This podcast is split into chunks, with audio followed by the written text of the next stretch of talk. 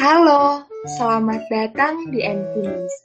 Yang biasanya kita ngobrol seputar isu lingkungan, sekarang kita berbincang seru mengenai masa depan. Apalagi kalau bukan prospek kerja teknik dan manajemen lingkungan. Bersama aku, Anissa Saadatul Awalia.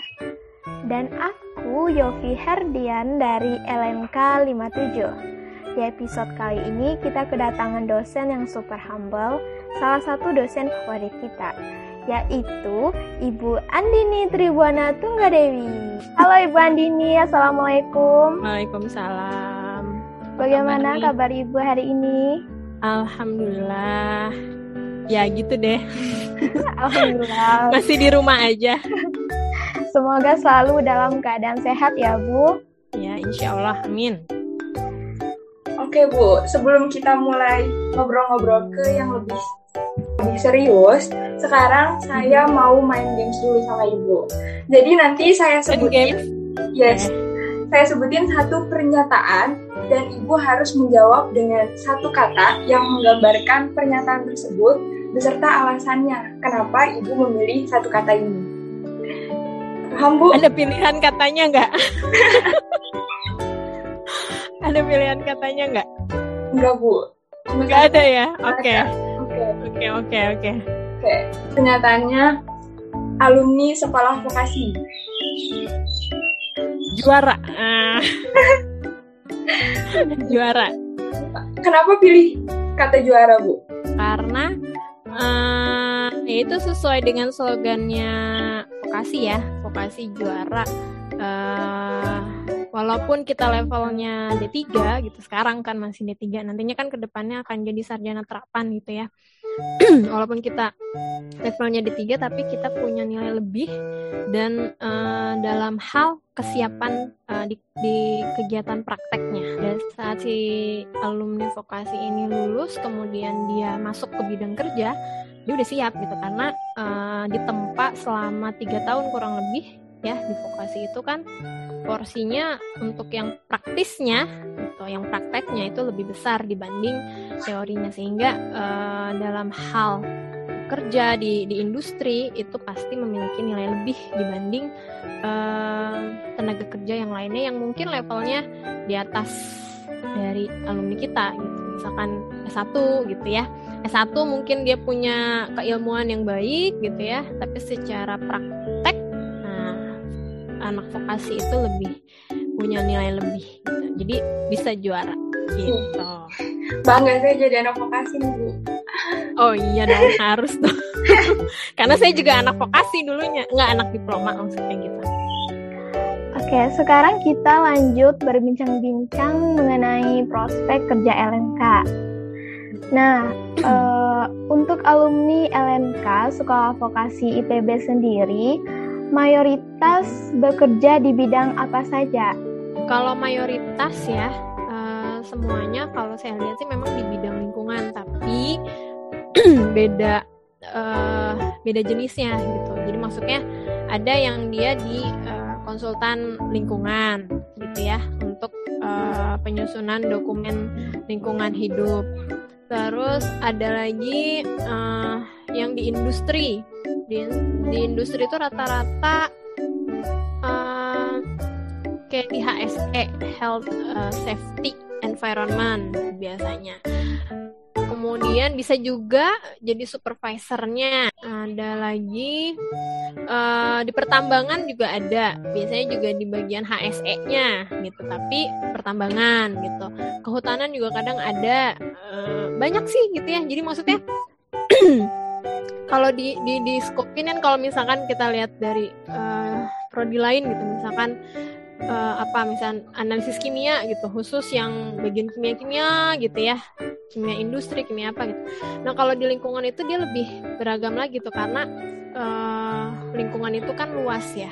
Maksudnya termasuk kehutanan termasuk pertambangan di situ pasti ada lingkungan. Ada lingkungan pertambangan ada lingkungan kehutanan itu semua uh, butuh tenaga kerja uh, lingkungan gitu. Jadi uh, alhamdulillahnya alhamdulillahnya gitu ya uh, alumni LMK itu sebenarnya bisa masuk ke bidang yang mana aja gitu. Tapi memang kalau dari uh, ininya banyak sih yang QHSE ya, QHSE gitu yang kayak gitu. Uh, ada juga yang jadi di laboratorium untuk yang sampling gitu. Ada yang seperti itu. Ya tergantung. Tapi beragam sekali ya bu? Beragam. Beragam dan bisa yeah. masuk ke semua karena multidisiplin itu keistimewaan dari lingkungan itu multidisiplin.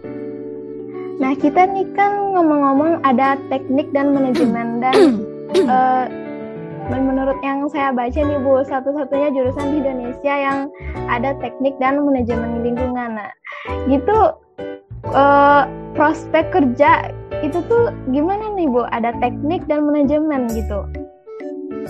Nah, itu ya keistimewaannya itu teknik dan manajemen lingkungan tuh di situ paket lengkap. Jadi tidak hanya kita siap secara uh, teknis ya. Contoh misalnya teknis dalam uh, pengambilan sampel gitu ya, sampel lingkungan gitu.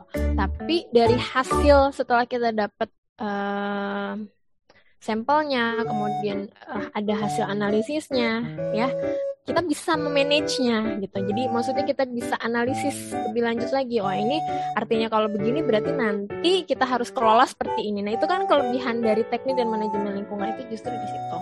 Jadi nggak hanya sebatas secara teknik dia mengerti untuk pengambilan uh, data terkait data-data lingkungan gitu ya di semua bidang ya mau di konsultan mau di KHSE atau yang lainnya pun ya itu nggak hanya sekedar kita terampil dalam mengambil data gitu. Tapi setelah data data itu ad, apa terambil kemudian diolah ada hasil analisis ya kita bisa menganalisis lebih lanjut lagi oh, ini harus seperti ini nih trennya begini nanti harusnya itu adalah keistimewaan dari teknik dan manajemen lingkungan terutama terkait dengan pengelolaan lingkungan setelah saya dengar nih mengenai prospek kerja teknik dan manajemen lingkungan itu jadi ngerasa beruntung gitu menjadi bagian dari keluarga LNK yang di mana bisa dibilang pekerjaannya itu bukan hanya sekedar mencari uang tetapi juga ikut turut menjaga lingkungan. Keren banget. Nah bicara mengenai pekerjaan pasti sebelum kita bekerja perlu memiliki skill atau kemampuan Nah, Ibu, kira-kira skill atau kemampuan apa yang harus dikuasai oleh lulusan teknik dan manajemen lingkungan ini agar cepat dapat kerjaan? Kalau soal skill ininya vokasi ya, itu kan uh, disiapkan untuk dia uh, siap praktek di lapang gitu. Sehingga tentunya skill yang harus dikuasai adalah skill-skill yang berkaitan dengan uh, teknis-teknis di lapangan gitu ya uh, teknis-teknis di lapangan.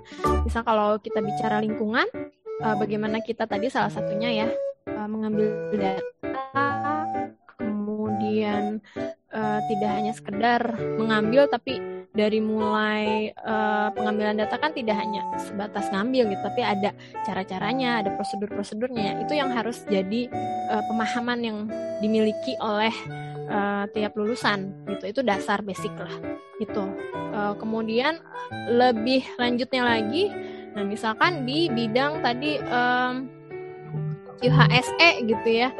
Nah, itu kan harus mengerti uh, bagaimana kemudian kondisi lingkungan yang uh, baik, yang uh, nyaman, yang aman untuk manusianya. Karena kalau kita bicara lingkungan kan gak hanya terlepas dari kondisi fisik alamnya gitu tapi uh, biologisnya termasuk di situ makhluk hidupnya. Salah satunya adalah manusia gitu.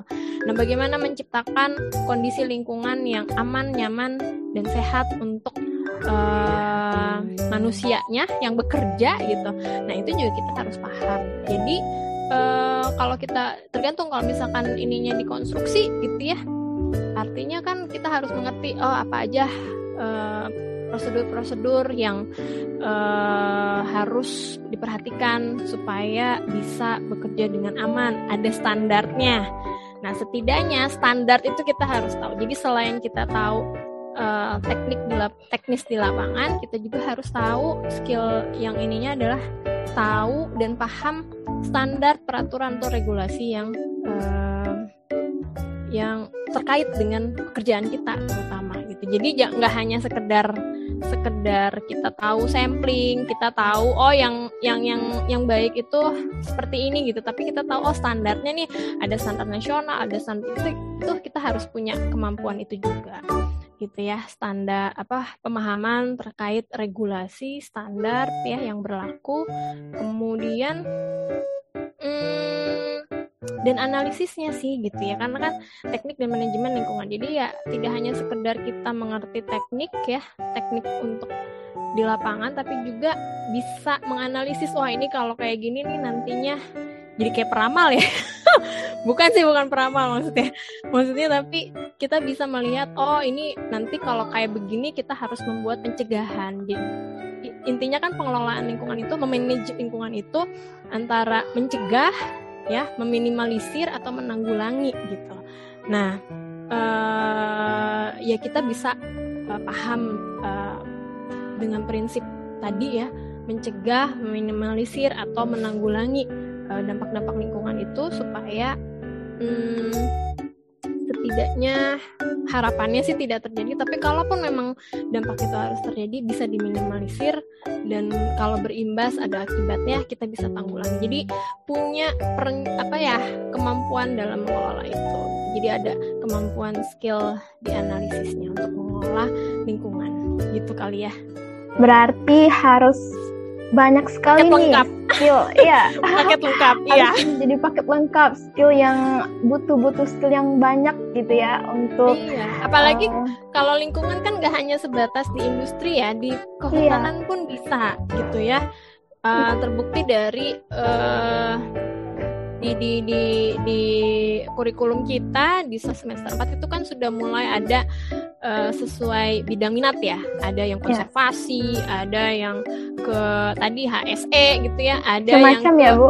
Macam-macam ya, gitu. Jadi memang uh, di setelah nanti tingkat 2 masuk ke semester 4 terutama nah itu kalian nanti akan mulai um, melihatlah setidaknya oh uh, nanti di gambaran di lapangan tuh kalau misalkan bekerja misalkan di bidang yang tadi uh, eh, HSE misalkan oh, seperti ini kalau mengelola limbah di semester 5 mungkin ya oh seperti ini gitu. Jadi uh, apa uh, di situ di mata kuliah kita di kurikulum kita itu sangat menurut saya sudah pakai lengkap sih gitu. Bersyukur bisa masuk LNK ya amin amin. Alhamdulillah. Alhamdulillah. Jadi eh, ngomong-ngomong tentang skill nih Bu, kan tadi Ibu bilang uh, kita harus uh, paham bagaimana cara menganalisis gitu kan ya, mengambil sampling gitu. Nah, berhubung semester depan kita masih online nih Bu, ada nggak tips dari Ibu sendiri uh, kita nih sebagai mahasiswa online, bagaimana uh, kita bisa menguasai skill-skill tersebut walaupun kita online kan kita tahu yeah. nanti PKL kerja kita butuh skill itu tapi kita masih online gitu bu. Iya, nah itu memang kendala ya. Iya, kendala di di masa pandemi ini memang sangat disayangkannya dari segi prakteknya. Sementara untuk lingkungan sendiri tuh untuk praktek di lapangan itu sangat dibutuhkan sekali gitu ya. Jadi memang ini agak uh, berkurang nih uh, segi kepraktisannya ini gitu ya, kepraktekannya ini. Uh, memang disayangkan gitu. Tapi uh, bukan berarti sebenarnya kita nggak bisa belajar gitu. Karena uh, sesuai dengan apa uh, ininya vokasi sekarang itu kan uh, ikut yang Merdeka Belajar Kampus Merdeka itu ya. Jadi sebenarnya uh, udah nggak zaman lagi zamannya lagi tuh mahasiswa bergantung sama dosennya gitu. Menunggu dosennya bilang gini gitu. Tapi uh, baru dia melakukan gitu ya. Ayo praktikum ini ini. Udah nggak zamannya jadi sekarang itu justru uh, yang dituntut adalah bukan dituntut yang distimulus adalah mahasiswanya supaya aktif dia mencari apa yang uh, kalau terkait lingkungan berarti apa nih? Ter, uh, terkait lingkungan misalkan oh cara sampling. Jadi ya uh, harus dimulai dari niatnya niatan si mahasiswanya. Inisiatif mahasiswanya Betul, ya, inisiatif untuk harus berinisiatif. ya, berinisiatif uh, niat untuk oke okay, cara sampling. Sekarang kan informasi itu ya alhamdulillahnya ya masa sekarang itu yang namanya sumber informasi itu sangat banyak gitu. Kalau ya, dulu terbuka saya luas. Betul. Saya zaman dulu zaman saya D3 gitu ya, analisis lingkungan. Mau belajar tentang sampling itu ya kita dari praktikum aja gitu. Kalau sekarang kan enggak, kita nonton nanya aja sama Google pun langsung keluar gitu kan banyak cara sampling yang baik dan benar. Ada berdasarkan SNI apa gitu, banyak gitu kan. Uh, kemudian videonya pun di YouTube banyak banget contoh dari yang universitas mana, jadi uh, sudah banyak gitu sumber belajarnya gitu. Jadi sekarang kalau dibilang memang secara praktek mungkin tidak melakukan langsung gitu ya, tapi setidaknya memahami itu mau belajar berinisiatif uh, mencari tahu itu gampang sekali gitu sekarang untuk zaman sekarang. Jadi beruntungnya mahasiswa saat ini adalah memiliki sumber informasi yang tidak terhingga gitu ya, uh, yang kita bisa banyak belajar dari situ gitu. Jadi sayang kalau tidak dioptimalkan. Jadi uh, ya tadi misalkan terkait sampling yang baik dan benar untuk udara misalnya untuk air untuk tanah gitu. Walaupun kita tidak melakukan uh, tapi kita bisa uh, cari tahu oh gini caranya. Alatnya ada alatnya namanya begini. Itu bisa dengan mudah sekali sekarang itu kita cari di internet gitu. Jadi uh, yang penting satu balik lagi niat gitu. Itu pasti ada jalannya gitu. Jadi walaupun sekarang masa online menurut saya memang dari segi prakteknya kita kurang, tapi itu uh, apa namanya dari segi uh, informasi, dari segi pembelajaran kita bisa banyak sumbernya gitu. Jadi sementara ini bisa diinikan dengan ya sumber belajar dari uh, internet-internet, dari entah googling atau YouTube ya itu banyak sekali gitu. Jadi setidaknya untuk mengenal alat-alatnya gitu itu banyak gitu. Jadi uh, sangat mudah lah sekarang. Tinggal niatnya aja mau atau enggak gitu. Kalau memang males-malesan ya ini ya sudah gitu ya udah nggak akan bisa gitu. Jadi kalau sekarang mahasiswanya harus uh, niat dan inisiatif gitu dari kitanya sendiri ya Bu mau belajar oh. jadi berinisiatif sendiri gitu. Iya. Jadi memang uh, apa kalau di masa pandemi gini ya memang harus kembali ke kitanya gitu. Kalau memang sekiranya duh males atau ini mungkin harus dipertimbangkan ulang. Karena gini, faktor faktor faktor kita ter, uh, mau atau enggak juga kan salah satunya adalah ketertarikan gitu. Kita tertarik enggak gitu. Terkadang uh, ada karena kita nggak tertarik jadinya kita nggak mau tahu akhirnya seolah-olah jadi nggak bisa padahal sebenarnya bisa gitu.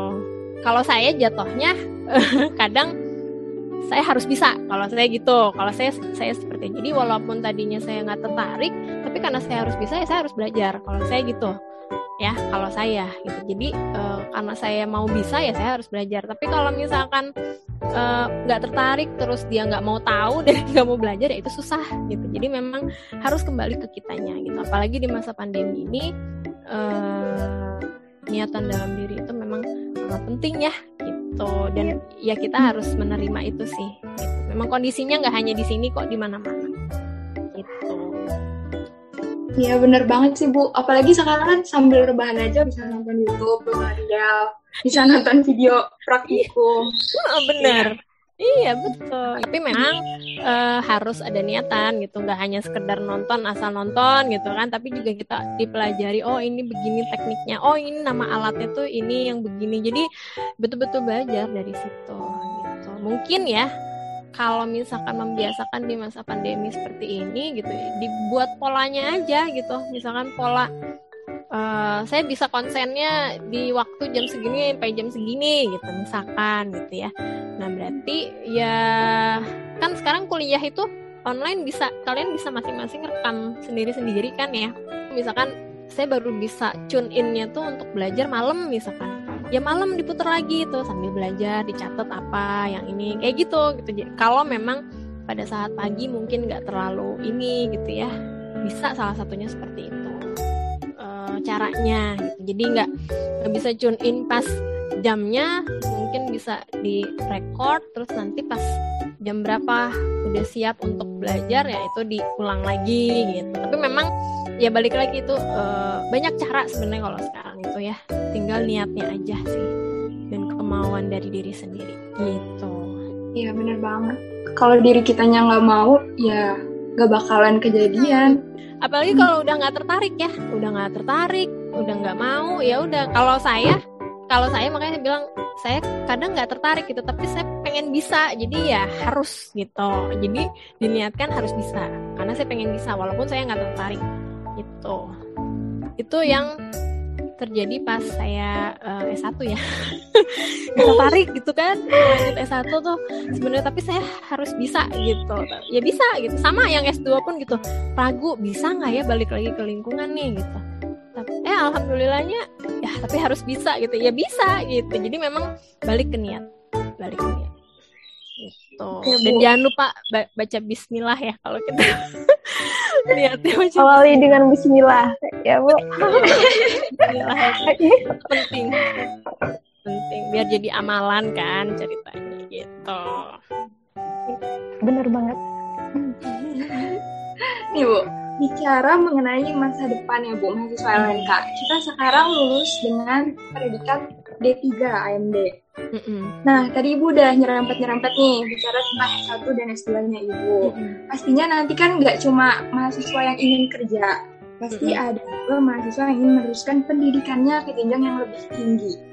Nah, khusus untuk mahasiswa yang ingin kuliah ekstensi, apa ada rekomendasi kampus-kampus yang bagus dari Ibu? banyak. Kalau yang bagus sih sayangnya, sayangnya um, IPB belum buka ya ekstensi untuk yang lingkungan. Kalau ada itu bagus banget sebenarnya karena uh, banyak uh, dulu kan sempat ada ini bahwa kita mau jadi D4 gitu. Nah itu banyak sekali alumni-alumni itu yang tanya ke saya, Bu udah buka belum D4-nya? Pengen nerusin lagi, pengennya sih di IPB lagi gitu. Tapi kan memang belum gitu. Jadi uh, kalau dulu uh, banyaknya sih melanjutkan kalau ke yang teknik lingkungan ya. Teknik lingkungan itu banyak yang mengambil ke Undip, tapi Undip kan sekarang juga katanya sudah tutup ya untuk yang teknik lingkungan ekstensi itu. Jadi banyak yang iya kalau nggak salah ke yang sekolah tinggi teknik Yogyakarta ya kalau nggak salah. Itu itu banyak teman-teman kalian yang ke situ. Tapi ada juga eh, nggak uh, mau jauh juga bisa ya kelas karyawan di daerah Jakarta juga ada banyak ya ada Bakri ada NH Sahid kok En Hai salah ya uh, ada Sahid ada Bakri itu pun ada teknik lingkungan gitu. Kalau yang memang mau melanjutkannya ke yang keteknikannya gitu. Ada yang mau melanjutkan lagi uh, misalkan ke dia uh, lebih ininya ke konservasi itu banyak juga yang mengambil di uh, Universitas Nusa Bangsa ya kakak kelas kalian tuh beberapa ada yang ke situ gitu. Ke Universitas Nusa Bangsa yang mengambil manajemen hutan gitu ya yang konservasinya ada yang ke situ. Ada juga yang uh, ngaco kayak ke agribisnis ada gitu kan. Itu pertimbangan yang lain kan kalau itu. Uh, tapi sebenarnya sebenarnya kalau kita bicara lingkungan kan uh, tiga pilar dalam lingkungan dalam pembangunan supaya bisa uh, berkelanjutan itu kan salah satunya ada ada dari ekologi sosial dan ekonomi. Jadi sebenarnya uh, bisa nyambung ke mana aja gitu. Lingkungan itu uh, multidisiplin gitu. Jadi bisa ke mana aja. Tergantung ya itu tadi lulus D3 misalkan mau melanjutkan, saya sih sarankan ya passionnya apa gitu. Kalau memang passionnya untuk ke keteknikan yang lanjutkan aja ke teknikan yang tadi gitu ya beberapa uh, ininya gitu. Uh, apa beberapa bidangnya gitu eh beberapa universitasnya tadi ada Sahid, Bakri, kemudian ada yang estet apa ya saya kurang hafal tuh namanya ya. Ada lagi kalau dulu uh, di UI ya saya tapi UI juga mungkin sekarang udah nggak ada ya tentang kesehatan masyarakat ada yang mengambil kesehatan masyarakat bisa ke kesmas ya bung? Bisa kita nyambung juga ke situ gitu. Karena kan manusianya ya kan? Sosialnya mungkin ya ke situ bisa. Jadi banyak yang ke situ. Uh, zaman saya ya zaman saya tuh ada yang di, dulu di UI sekarang sih udah nggak ada. Kalau nggak salah sih gitu. Udah sudah tidak ada ekstensinya lagi. Kalau dulu masih ada. Nah kalau dulu di Undip pun selain ada yang teknik lingkungan ada yang kesehatan masyarakatnya Nah kalau sekarang saya nggak tahu nih, apakah di yang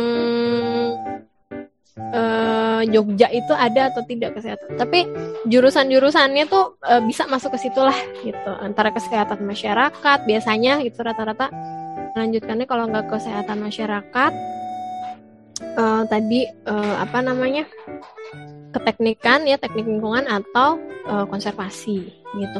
Oh satu lagi ada di Ibnu Khaldun ada tuh salah satu alumni juga. Dia melanjutkan ke situ ngambil jurusan kalau nggak salah tuh uh, antara kesehatan masyarakat atau K3 kalau nggak salah di Ibnu Khaldun Bogor. Gitu itu juga ada. Ekstensi itu. Eh ekstensi reguler ya saya lupa deh pokoknya uh, ekstensi sih kayaknya kelas kelas karyawan kalau nggak salah. Apa tapi saya nggak tahu apa itu masih ada atau enggak jadi sebenarnya banyak sih. Tapi yang yang jelas ekstensi kelas karyawan jadi uh, melanjutkan sambil bekerja itu tadi uh, bakri sahid gitu. Kalau di yang sekolah tinggi teknik lingkungan itu STTL yang di Jogja itu itu kalau nggak salah kayak reguler ya jadi uh, kuliah ya biasa uh, jadwalnya nggak bukan kelas karyawan kalau nggak salah sih gitu. Banyak kok nggak usah khawatir Pak, bisa banget ya dicatat nih bagi teman-teman mungkin ya Bu yang mau lanjutin kuliah ekstensinya dulu gitu. Mm -mm, nah, bisa, bisa. Uh, berbicara tentang tamatan D3, pasti ada mahasiswa itu yang pengen lanjut kuliah dan ada yang ingin bekerja dulu, dapat penghasilan dulu nih Bu.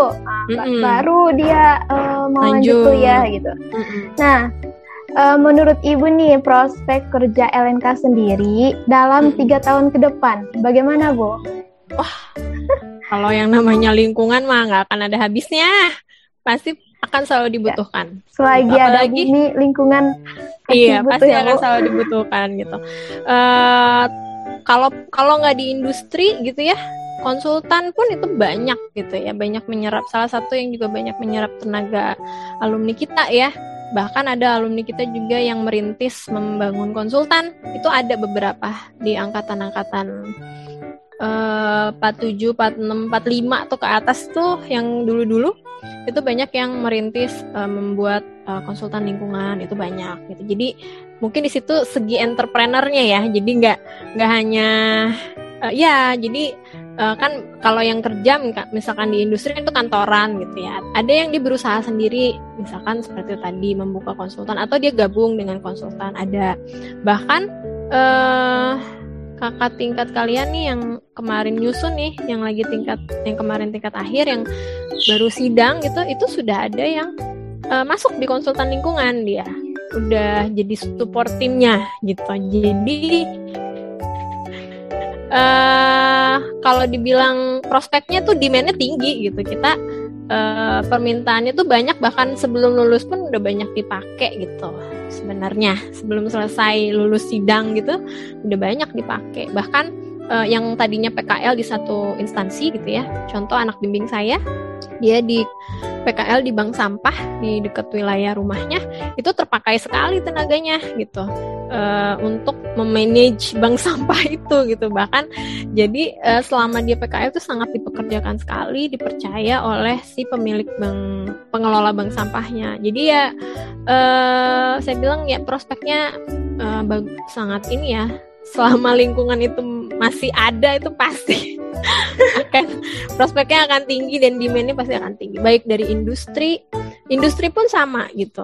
Uh, banyak yang uh, temen teman-teman kak kakak tingkat kalian itu yang uh, apa namanya uh, ini sudah mulai di booking gitu. Nanti di sini aja lagi ada beberapa jadi uh, bahkan kemarin tuh ada tawaran dari satu industri ya untuk uh, ada yang program magang gitu gitu. Tapi harus offline sementara kan kita sedang pandemi ya.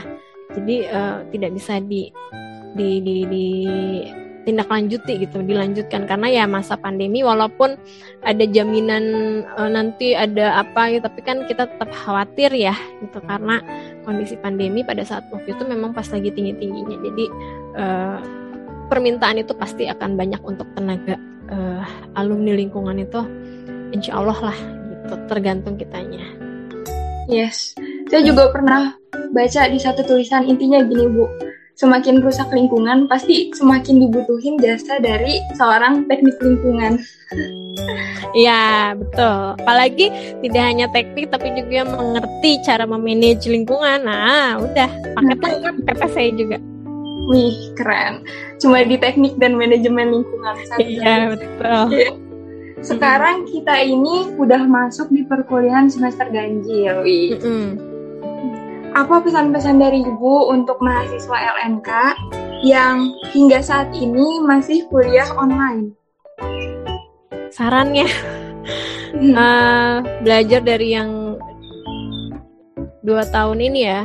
Dua tahun ini kan hampir dua tahun ini kita memang online terus dari mulai semester ya dari tahun 2000 2020 ya 2020 berarti udah setahun lebih lah kita ini online terus nih dua dua dua tiga dua setengah semester kemarin tuh kita eh, online terus. Eh, untuk mahasiswa yang sedang menghadapi online memang ini berat ya.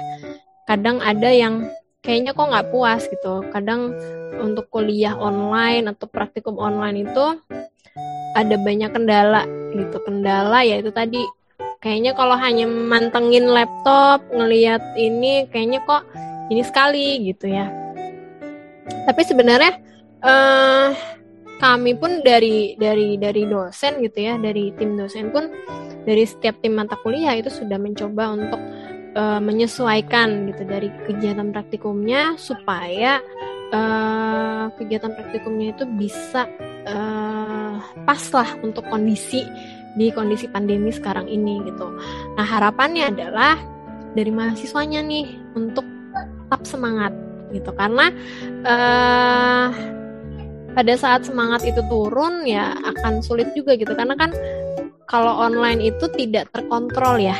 Misalkan kalau offline kan masuk kelas kelihatan gitu wujudnya. Oh ada nih anak gitu. Oh memperhatikan. Kalau ngerti tuh kelihatan gitu ya dari mukanya. Oh iya ngerti. Kalau bingung tuh ada yang oh nggak ngerti gitu ya. Mukanya penuh dengan kebingungan. Banyak gitu kan. Maksudnya kalau offline tuh kita bisa bisa nah kalau online itu kan nggak nggak bisa gitu gitu. Kita nggak tahu. Kalau kita zoom meeting pun kan semuanya off cam aja nggak ketahuan mana yang benar men- mendengarkan gitu mana yang dia ngerti. Jadi memang eh, harus manage eh, dari kitanya. Itu pun sama. Jangankan mahasiswa kita yang dosen pun sama seperti itu. Karena bekerja di rumah itu pun juga jadi satu bukannya memperingan ya tapi banyak kerjaannya. Kerjaan rumah kerjaan Tantangan juga ini Bu. tantangan juga gitu. Dan apalagi kalau yang sudah berkeluarga punya anak kan sebenarnya kita sama-sama gitu di sininya. Memanage untuk tetap semangat itu yang eh, jadi tantangan sebenarnya tantangan tidak hanya untuk mahasiswa semua dosen pun seperti itu. Jadi em, apa apa yang membuat kalian semangat yaitu di apa ya namanya di dibikin lah apa gitu. Misalkan oh eh, saya harus semangat eh, harus ini. Ya tadi kalaupun misalkan duh kayaknya malas itu ya itu tadi. Misalkan direkord dulu nanti diulang lagi di review lagi nantinya setelah. Jadi eh harus bikin strategi. Jadi semangat kemudian kita juga harus bikin strategi nih. Eh, oh ini nih saya nggak bisa konsen nih lagi nggak bisa konsen. Oke lah kita record aja. Nanti di ininya lagi pas siangnya atau malamnya misalkan. Biasanya kan kalau mahasiswa seneng bergadang ya. Entah ngapain seneng aja gitu bergadang mau ada tugas ke mau enggak gitu ya. Eh, nah mungkin pas malamnya pas dia lagi semangat lagi on high ininya gitu ya nah itu bisa diulang lagi recordingnya dilihat lagi terus dicatat apa yang perlu. Jadi eh itu semangat kemudian eh, tadi semangat niat dan bikin strategi lah gimana caranya gitu. Jadi eh, online ini memang kita harus kayak bikin kalau kalau saya tuh biasanya bangun tidur tuh oh ya ntar harus ini dulu ini dulu ini dulu. Jadi dibikin apa ya gitu. Kayak bikin kalau ibarat games itu kan ada level-levelnya gitu ya. Oh harus menuhin dulu ini ntar baru ke sini nah mungkin dibuat seperti itu. To-do list yang harus kita kerjain hari ini apa aja Betul, iya. Iya kayak bikin oke harus ngerjain ini ini ini ini, mana dulu diprioritaskan. Misalkan oh oke deh. Karena misalnya ada kuliah harus ini oke kita record tapi nggak bisa. Oke kita record nanti ini dibaca lagi ini dibikin aja gitu. Biasanya sih senang bikin planning gitu walaupun nanti pas Mana? pas ininya aduh ini enggak kelewat aduh kelewat gitu tapi kan setidaknya kita mengevaluasi oh kurang ini nih oh tadi tuh begini jadi uh, harus punya goal lah gitu jadi uh, di, di, dibuat lah untuk supaya semangat itu mungkin ya tadi ibarat games tuh kita bikin goal bikin ini gitu ya jadi biar semangat gitu Yes, bener banget. Itu bisa jadi morning routine setiap pagi kayak bikin tuh yeah. apa aja sih yang harus gue lakuin hari ini. Yeah. Terus di malam-malamnya, oh ternyata ini masih kurang loh, besok harus lebih baik lagi. Iya, yeah, evaluasi. Nah, misalkan pagi kan banyak nih sekarang kan jadwal tuh jam 6 udah mulai online ya. Iya, Bu. Iya kan?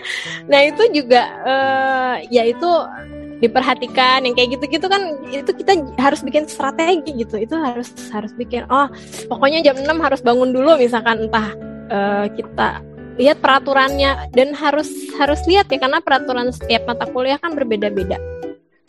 Ya kan? Ada yang jam segini harus jam segini dia harus sudah download uh, materinya. Kalau belum kelewat dah nggak dapat ada yang seperti itu. Saya saya saya suka gitu soalnya kalau saya suka gitu saya kasih waktu gitu sengaja. Jadi uh, bukannya mempersulit gitu tapi sebenarnya tuh untuk supaya kita aware oh ya download dulu gitu.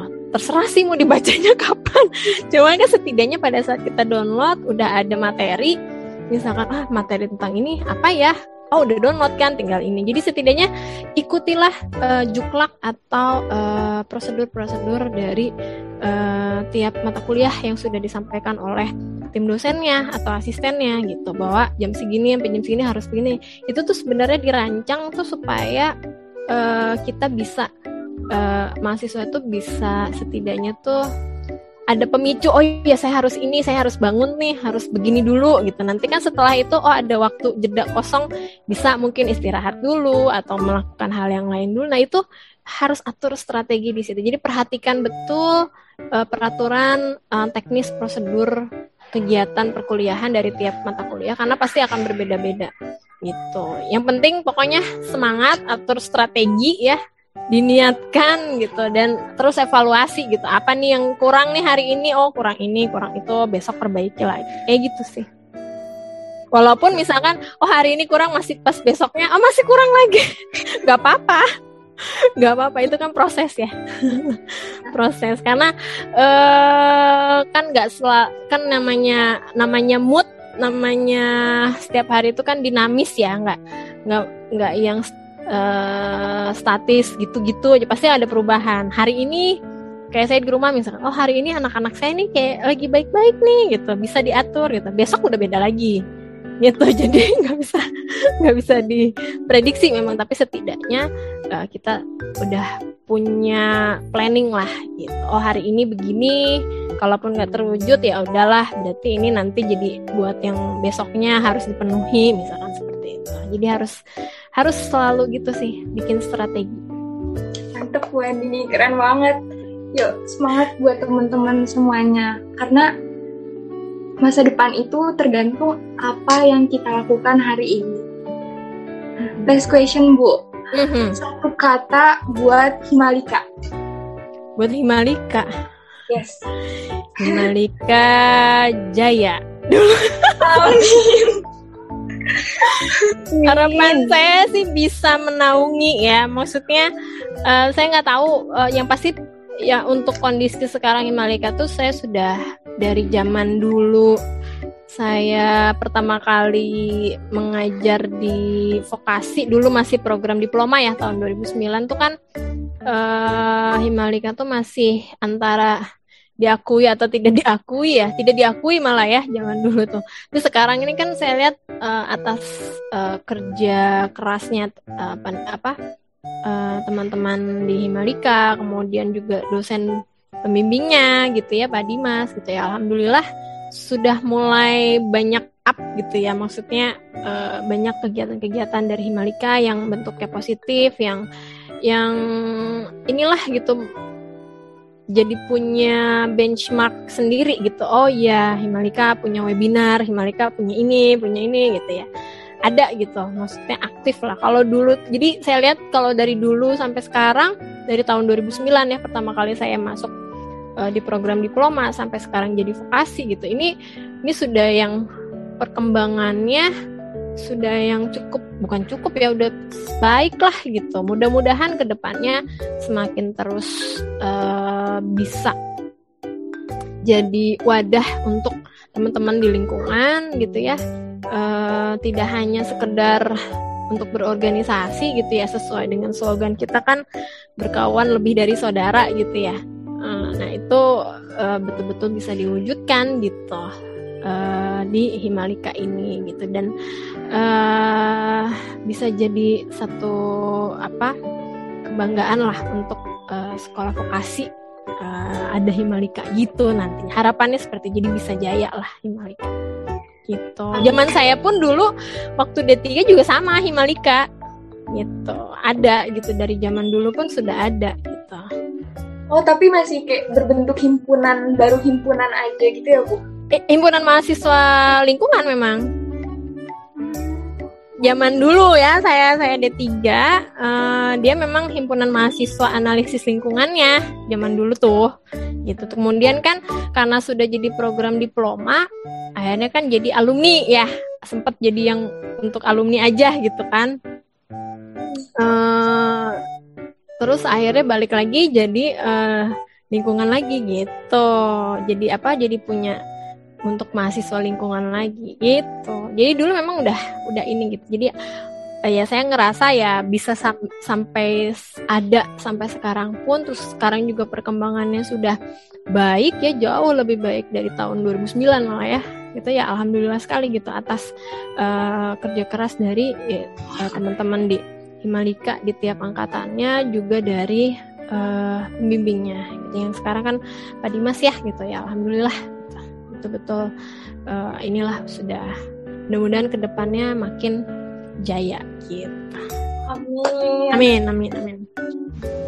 Terima kasih kepada teman-teman yang sudah setia mendengarkan hingga akhir. Ada kata-kata dari Pak Sandi. Beliau bilang, boleh kita jadi kaum rebahan, tetapi kita juga harus ikut menjadi agen perubahan. Semangat semuanya karena masa depan ada di tangan kita sendiri. Wah, tidak berasa bincang-bincang kita dengan Bu Andini sudah berakhir nih teman-teman. Kepada teman-teman untuk mengetahui info tentang Himalika, silakan follow IG at himalika.sipb. Silakan pantengin IG Himalikanya ya. Sampai jumpa teman-teman di podcast selanjutnya.